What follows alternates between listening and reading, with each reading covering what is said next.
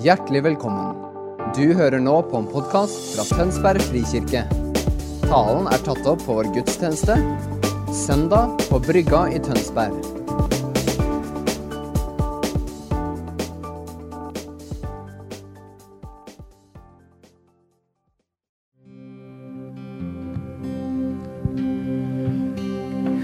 Kom tilbe Jesu navn. Kom uten skam. Kom tilbe Jesu navn. Takk skal dere ha for at dere ledet oss inn i lovsang og tilbedelse. Temaet i dag er Ordet, og med undertittel som Morten nevnte i åpningen, Hva er da et menneske? Den viktigste bevegelsen i Bibelen er bevegelsen fra ord til kjøtt. Bevegelsen som kalles eh, inkarnasjon.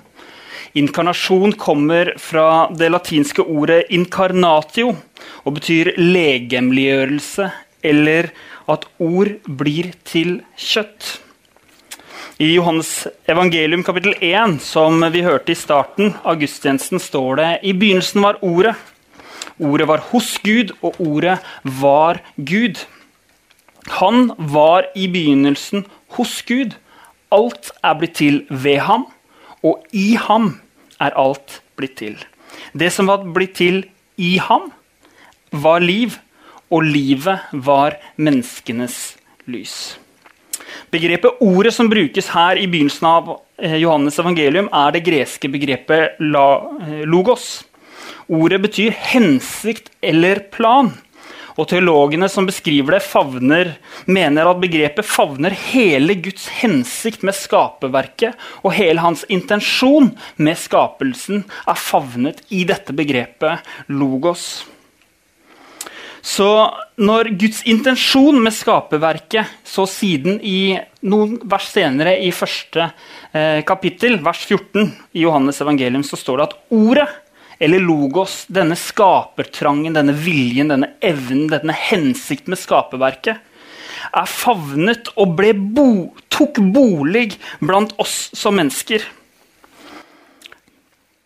Og vi så hans herlighet og herligheten som den enbårne sønn har fra sin far, full av nåde og sannhet så favner altså hele Guds skapelse, hele Guds skaperverk, favner i personen Jesus Kristus. At det er Jesus Kristus som stiger ned fra det høye i det himmelske, blir menneske og innebefatter hele Guds forordning, hele Guds hensikt med mennesket, og blir et menneskelik. Da er det naturlig å stille seg spørsmålet hva er da et menneske? Kjære Gud, gi oss din visdom, så vi forstår den tiden vi lever i. Og at vi forstår hva det er du ønsker å formidle via ditt ord. La oss forstå ikke bare hva du sier, men hva som får deg til å tale. La oss forstå ditt hjerte, dine intensjoner og la oss forstå at i deg er det alle svar tilgjengelige. Fordi du er sannheten, du er livet, og du er veien. Far, i den tiden vi lever i, hjelp oss å finne vår vei, og la din vilje skje. Amen. Når Kirken er på sitt mest relevante, adresserer den dagsaktuelle temaer med evige sannheter. Når Kirken er på sitt beste, evner den å favne prinsipielt klarsyn med praktisk kjærlighet. Når Kirken er på sitt mest troverdige, imøtekommer den umiddelbare menneskelige behov med en guddommelig omtanke og et vedvarende kjærlighet. Og når Kirken er på sitt beste, evner den å møte mennesker med både nåde og sannhet. Med omtanke og tydelighet. Kirken rømmer på sitt beste ikke fra prinsipielle debatter, selv om kompleksiteten i sakene gjør at spenningen som oppstår i det man skal diskutere ulike aspekter av de, er vanskelig å favne. Svarene som fødes gjennom en dialog hvor krevende aspekter må brytes mot hverandre fordi de begge er verdifulle, og fordi sannheter som i ulike perspektiver kan holdes for sant, likevel må vektes om hva som er mest viktig, og hva som er sannest. Den amerikanske munken Thomas Merton sa at visdom er å holde fortid og framtid sammen i nåtid. Visdom ifølge Merton er å holde fortid og framtid sammen i nåtid. I vinter har jeg hatt gleden av å lese en biografi av en tidligere amerikansk president. Og det har vært fascinerende lesning.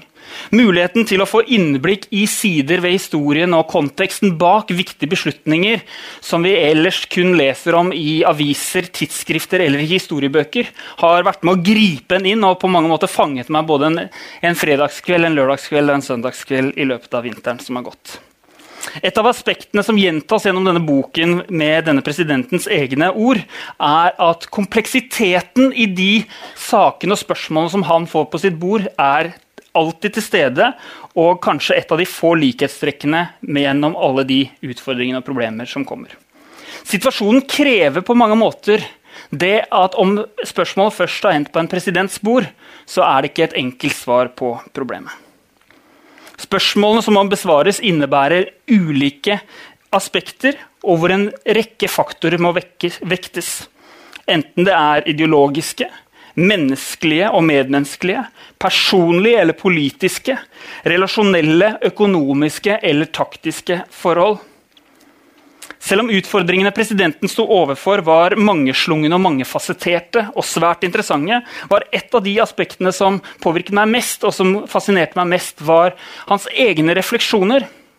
Ikke om de gangene hvor de valgte å trå inn i en konflikt, som det amerikanske eh, eh folk og, og med dets, hele dets statsapparat har gjort på mange måter som en internasjonal ordensholder siden andre verdenskrig. Noen ganger i vel stor grad, men andre ganger helt påtvunget. Så mens verden har vært prisgitt USAs rolle, har det også vært egne refleksjoner som presidenten så måtte ta stilling til, hvor de ikke hadde gjort det. Og det han selv omtaler både som sine egne og tidligere presidenters unnlatelsessynder. Det hadde vært situasjoner hvor man ikke hadde grepet inn enten pga. mangel på informasjon eller medieoppmerksomhet, mangel på et internt press eller avstand til problemet, eller rett og slett manglende vilje eller eventuelt evne i visse tider til å gripe inn. Situasjoner han selv nevner, er folkemordet i Rwanda, den andre krigen i Kongo, som blir kalt Kongos verden, Afrik, det afrikanske kontinentets verdenskrig. Eller de gjentatte brutale overgrepene på egen befolkning fra diktatorer i Libya og Syria er enkelte. Hva var det som så gjorde at de valgte passivitet framfor handling eller ord uten oppfølging av konkrete aksjoner? Forfatteren Malcolm Gladwell siterer en situasjon eh, i New York 1964 i boken 'Tipping Point', hvor han beskriver om at en kvinne på 28 år blir eh, gjentatte ganger eh, mishandlet på åpen gate, og det er flere som, som, ser det. Men til hans forskrekkelse og deres forskrekkelse så rapporteres det at kun to personer av de pluss ti personene som ser denne hendelsen, faktisk rapporterer, griper inn eller ringer politiet.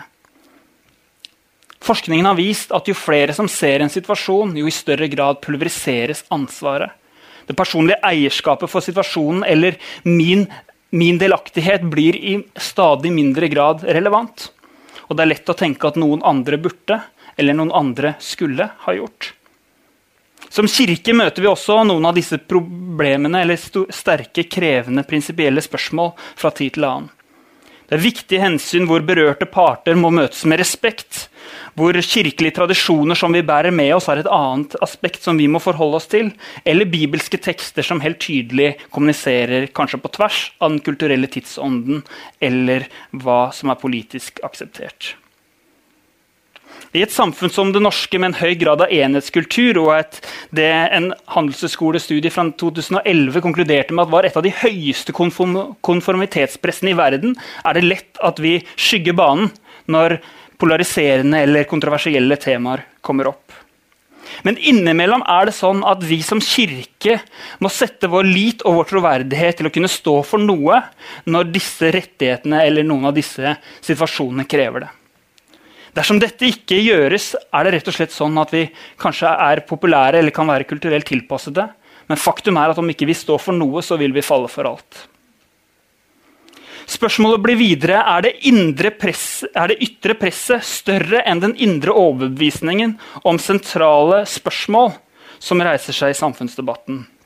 Jeg vet ikke med deg, men De siste ukene må jeg innrømme at det har skaket meg. Og, og jeg tror det har skaket også mange andre å se at en rekke vedtak gjøres rundt omkring i Norge som har den konsekvens at barnets eller fosterets livsvern og rettigheter blir satt under et stadig sterkere press enn det vi kanskje var innstilt på og trodde kom til å skje. Kristin Holanger, nestleder i Jordmorforbundet, uttrykker sterk skepsis og ønsker å rope et etisk varsko når barns rettigheter, fosterets rettigheter, blir satt under press som nå. Hun sier at Jordmorforbundet mener det er uklokt å utvide retten til selvbestemt abort til femte måned av svangerskapet.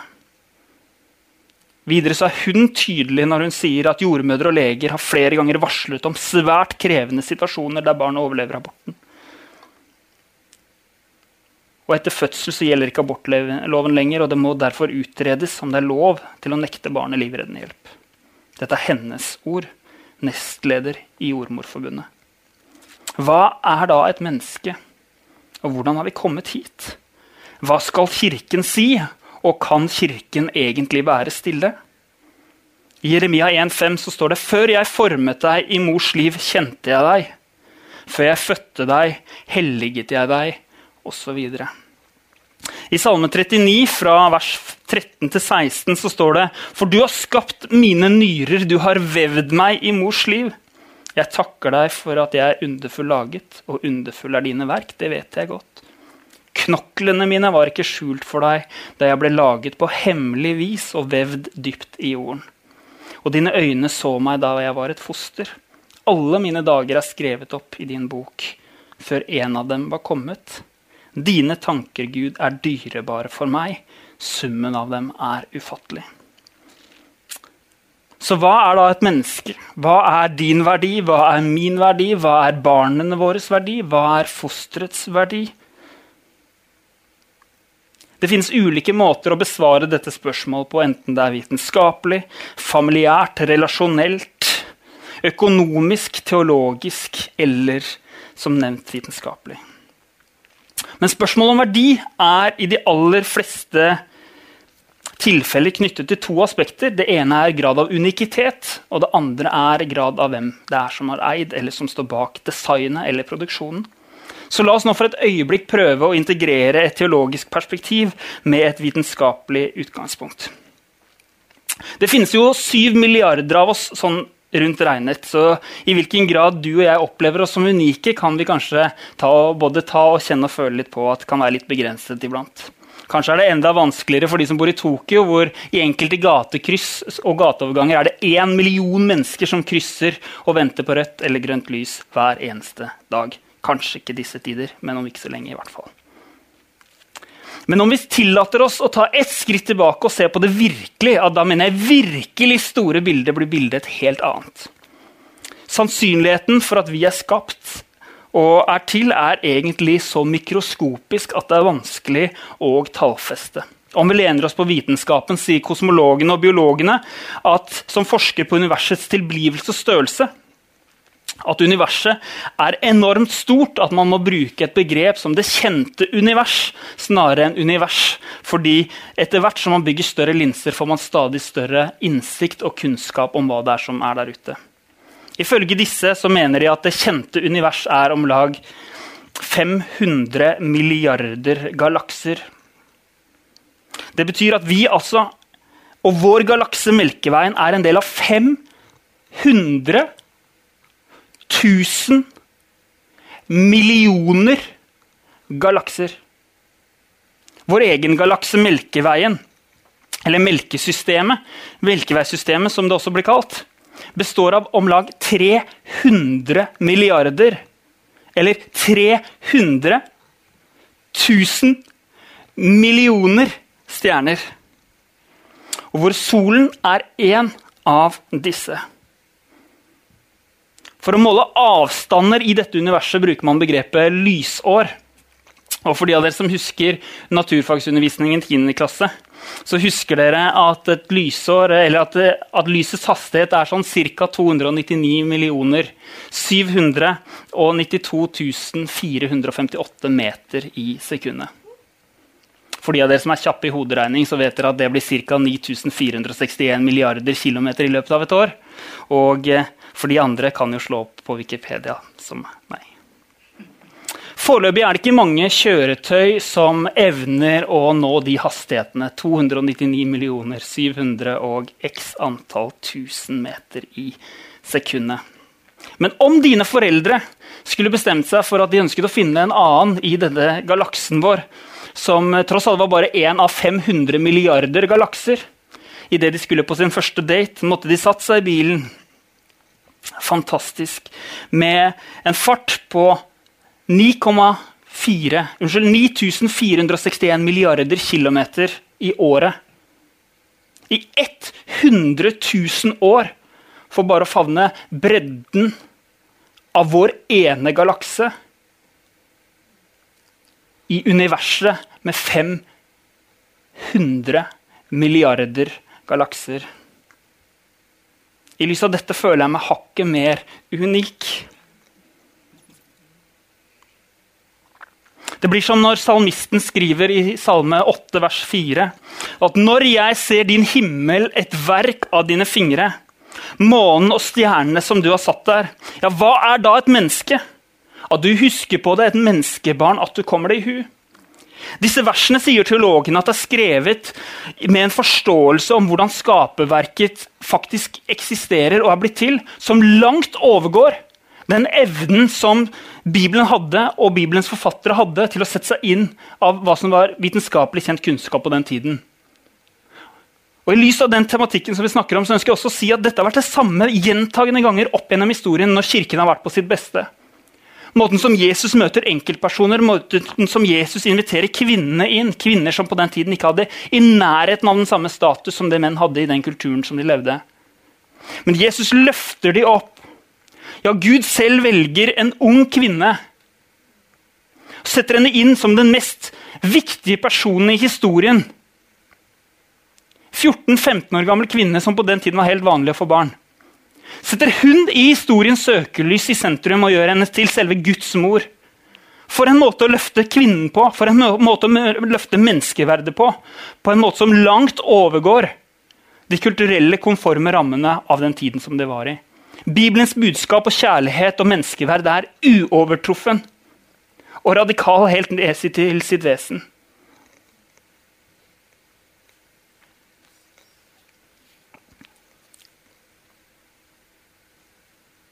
La oss også huske på det når vi snakker om denne tematikken. Vi løfter hver enkelt som er satt i en vanskelig situasjon, eller som er i en vanskelig situasjon. Med en uønsket graviditet, eller hva det måtte være. La oss så også, for å ta det store bildet, nevne tilblivelsen av universet men fokusere på at forholdene på denne planeten som nå vi har funnet ut er én av milliarder av galakser og milliarder av planeter innenfor systemet Melkeveien. For at vi skulle være her, for at du skulle kunne bli skapt, for at du skulle kunne være en del av, av et levende organisme som puster, som formerer seg, og som er en del av det som skaper liv, så måtte det akkurat riktig sammensetning av hydrogen, oksygen, karbon, prosesser som fotosyntese osv være til. Hadde ikke vært for at jorden var akkurat 148 millioner kilometer fra solen. Akkurat åtte minutter fra et lysglimt går ut til den treffer huden din i dag. Men hadde det heller vært 128 millioner kilometer, så hadde det vært fryktelig varmt her. Hadde det vært 178 millioner kilometer, så hadde vi ikke kunnet leve her. Og i den store sammenhengen med ni 1461 milliarder kilometer i ett lysår. Som du så ganger med 100 000, så begynner det å bli ganske unikt at forholdene lå til rette akkurat for at du og jeg kunne være en del av en beboelig planet og kalle dette vårt hjem. Hadde ikke vært at solen hadde skapt en energi som tilsvarer ca. 10 000 atombomber i sekundet, så ville vi ikke hatt nok energi til å leve. Kostnaden bare for å sette det i sammenheng ved å drive solen i ca. ett minutt er det samme som hele det amerikanske statsbudsjettet i syv millioner år. Hva er da et menneske? Om vi går litt videre på det historiske perspektivet, og det blir litt nærere oss selv, så kan vi jo reflektere om alle de tingene som skulle til for at dine foreldre skulle møtes. At de var en del av en i samme land eller samme nasjon. At de møttes hverandre på akkurat det riktige stedet, i akkurat riktig alder og med akkurat lik grad og, og riktig form av hormoner og tilstrømninger. Sannsynligheten for det er ikke bare mikroskopisk, den er nærmest ikke-eksisterende. Eller som Stephen Hawking sier, forfatteren av A Brief History in Time Det å se på universets tilblivelse uten ved å kunne si at det er, mer, er sannsynlig at en, at en guddommelig kraft står bak, er mikroskopisk. Så dine foreldre møttes og relasjonen ble etablert, planlagt eller ikke planlagt. I den store og den hele sammenhengen så høres det planlagt ut for meg. Vi har en bok hjemme hos eh, meg, min kone og våre barn som eh, vi leser etter hvert som vi eh, tror at, og erfarer at de kan tåle litt folkeopplysning eh, om at ikke de er kommet med storken. Boken er en barnebok som heter 'Slik lager man en baby'. Og det er alltid litt interessante innspill og, og, og grad av komfort når disse barna helt klarer å se en kvinne og en mann naken, bl.a. Den har tydelig beskrivelse i tegningsform, som beskriver så etter foreldrene har funnet hverandre og at romansen oppstår, eh, om hvordan millioner av sædceller svømmer med det ene mål å innta dette egget. Den er også beskrivelser om hvordan denne evige kampen mellom sædcellene skal til for å komme inn. fordi med en gang dette egget får en sædcelle på innsiden, så lukkes muligheten, og konkurransen er over. Og jeg synes det alltid er fascinerende når det går opp for en av gutta våre. Med et stort smil om munnen, og de sier 'Så det betyr at jeg vant, pappa?' Ja, det betyr at du vant, gutten min. Det betyr at du vant. Etter hvert som ukene går, og biologien går sin gang, den genetiske koden utvikler seg, og, og menneskets grad av programmering får stadig flere celler og stadig større eh, omfang og ligner i ah, stadig større grad på et menneske, sånn som vi kjenner det, så er vi så heldige å bo i et land som har et velutbygget velferdssystem. Der oppfølgingen er god, og der hvor vi også kan forvente en oppfølging med en ultralyd i uke 18 for å være personlig etter først å ha strevd og være usikre på om vi kunne få barn. Med medisiner og undersøkelser og med en blanding av skuffelse og håp de gangene eggløsningen skjedde. At det ikke gikk som vi håpet, og når det først skjedde et nattlig besøk på toalettet, skulle medføre en stor sorg både for min kone og for meg. Så var det når det først skjedde at vi kunne komme på vår første ultralyd, ganske eksepsjonelt og enestående. Å høre hjertelyden over ultralydmaskinen og se små armer eller ben litt vanskelig å få øye på hva som er hva for et utrent øye. Og For fire måneder siden så var vi der igjen. Jordmor var ei vi kjente litt fra tidligere. Eh, så hun spurte respektfullt om vi ville ha en annen, men vi bekreftet at vi følte oss i trygge hender og ivaretatt. Etter hvert som geleen kom på Anettes mage og bildene begynte å komme opp på skjermen, kjente vi en spenthet og en forventning. Først kom bildene opp forsiktig, så mer og mer. Etter en stund så stoppet jordmoren opp og sa, 'Se, her er et hjerte'. Det var ikke lett å få øye på, så hun pekte, zoomet, snudde litt på kamera osv. Så, videre. så sa hun, 'Her er høyre hjertekammer. Her er venstre.' Her er hjerteveggen. Og her er det og det og det. Og midt i dette, det vi kaller hjertevegg, så er det det vi kaller et crux. crux. C-r-u-x. Fra latin betyr det kors. Anette og jeg så på hverandre, og jeg klarte ikke å unngå å tenke på ordspråkene 423, hvor det står at 'bevar da ditt hjerte framfor alt du bevarer', fordi livet går ut fra det. Der, altså midt i et lite foster på 18 uker og 18 cm, så var den mest sentrale muskelen som på det tidspunktet da var utviklet, som vi kunne se slå hvordan det gikk mellom, og, og, og i vårt tilfelle heldigvis var friskt. Så kunne vi se at det pumpet blod rundt, men definert av det som var i kjernen, var et kruks, et kors. Og da vet jeg ikke med deg om du opplever at Gud har glemt deg, eller om du opplever at du ikke er like verdifull, men i kjernen av den du er, så er det et kors. Merket av logos, han som var først av alt, han som var forrådet, skaperen, hensikten med verden, har kommet inn i verden og var villig til å dø for deg. Ta alle dine synder, all din skam, all din skyld, all din sykdom, all din plage på seg. På et kors, på det som ble regnet for å være verdens verste torturinstrument. Det forsonet han med seg selv og gjorde til verdens vakreste uttrykk for en ufortjent kjærlighet. Og midt i deg, som om det er merket med hvem du er, så er det samme korset merket hjertet ditt med det som puster, pulserer, som skaper liv rundt om i kroppen din. Uten at du gjør noen ting for det.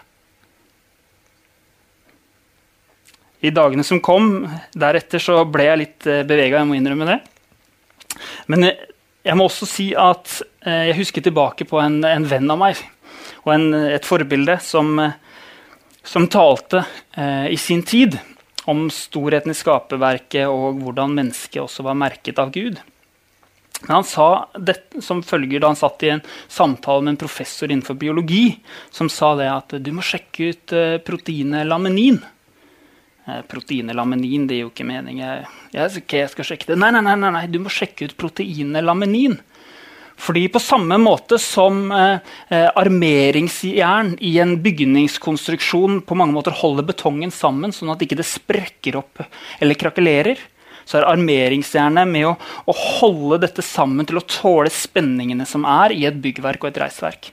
På samme måte så er dette proteinmolekylet med laminin med å være armeringsjernet i kroppen din. Altså Det er det som på innsiden av deg holder kroppen din sammen. på mange måter. Så Louis satt der og sa ok, jeg kan google dette og se hvordan dette ser ut.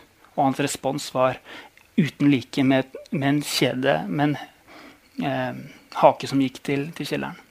Sånn var det for meg òg. Kanskje ser dere litt av de samme inspirasjonene når dere kan se på dette bildet her til venstre. Laminin 2. Altså dette proteinmolekylet, når det skal presenteres og beskrives på en vitenskapelig måte, ser i hvert fall for meg ut som et kors. Så om det så er at i kjernen av hjertet vårt og av hver celle som skal holde kroppen vår sammen, så er det i hvert fall tilsynelatende merket et kors. Er det et bevis for Guds eksistens? Nei, det er det ikke. Til syvende og sist så er det en, noe vi må vente på det endelige beviset. Men det er i hvert fall en indikasjon på at et kors er plantet i hver celle i vår kropp, i kjernen av hvem vi er. Fordi livet går ut fra det.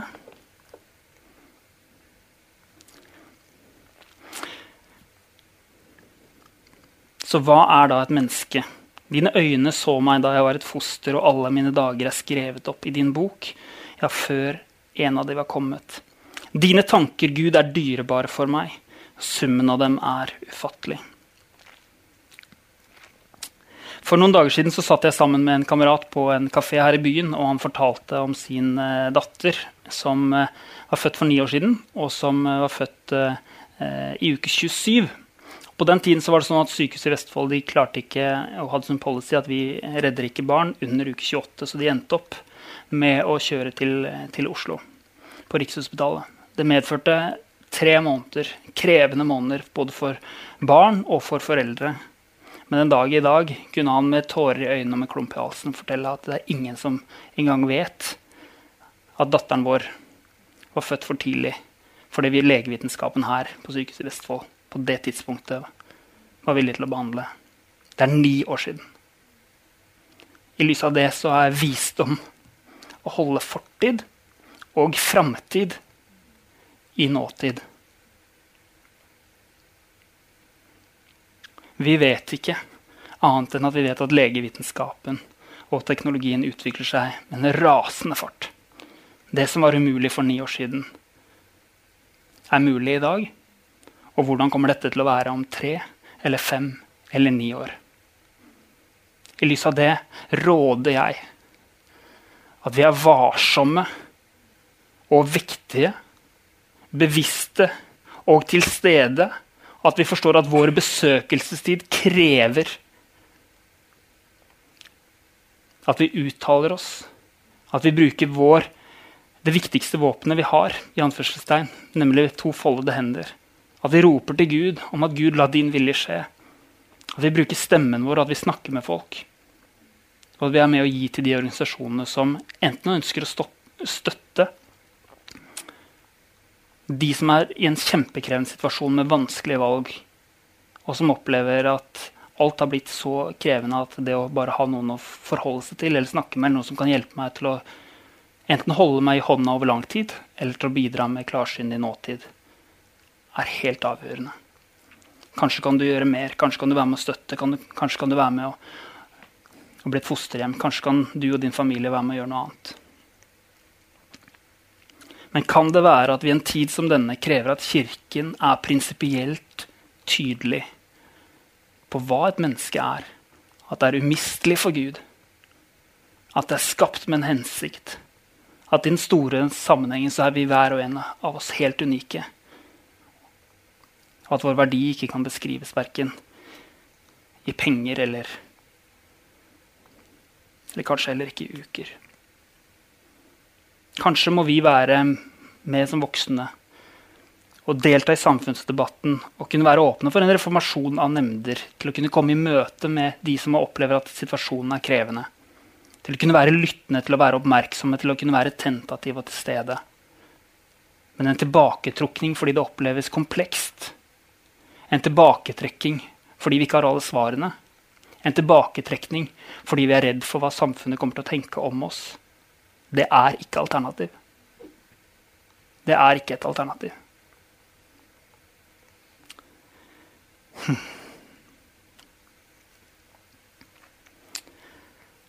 La oss be.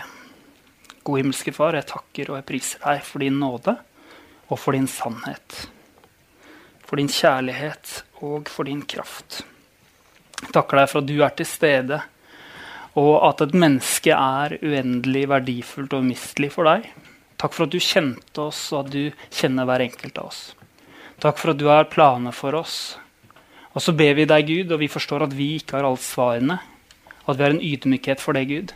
Men det du viser oss, Gud, det ønsker vi å være klare og tydelige på. Så far, la oss være på vårt beste som kirke. La oss evne, og med omsorg, omtanke og klokskap, holde fortid og framtid sammen i nåtid, med en omtanke og en kjærlighet og en tone som sømmer seg i et viktig spørsmål.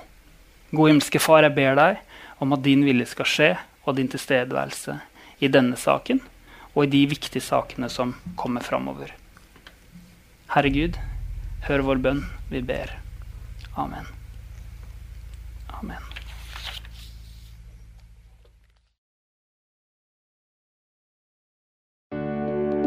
Takk for at du hørte på vår podkast. Har du spørsmål eller ønsker du å vite mer? Søk oss på vår nettside tonsbergfrikirke.no. Du er også velkommen til kirke på Brygga i Tønsberg.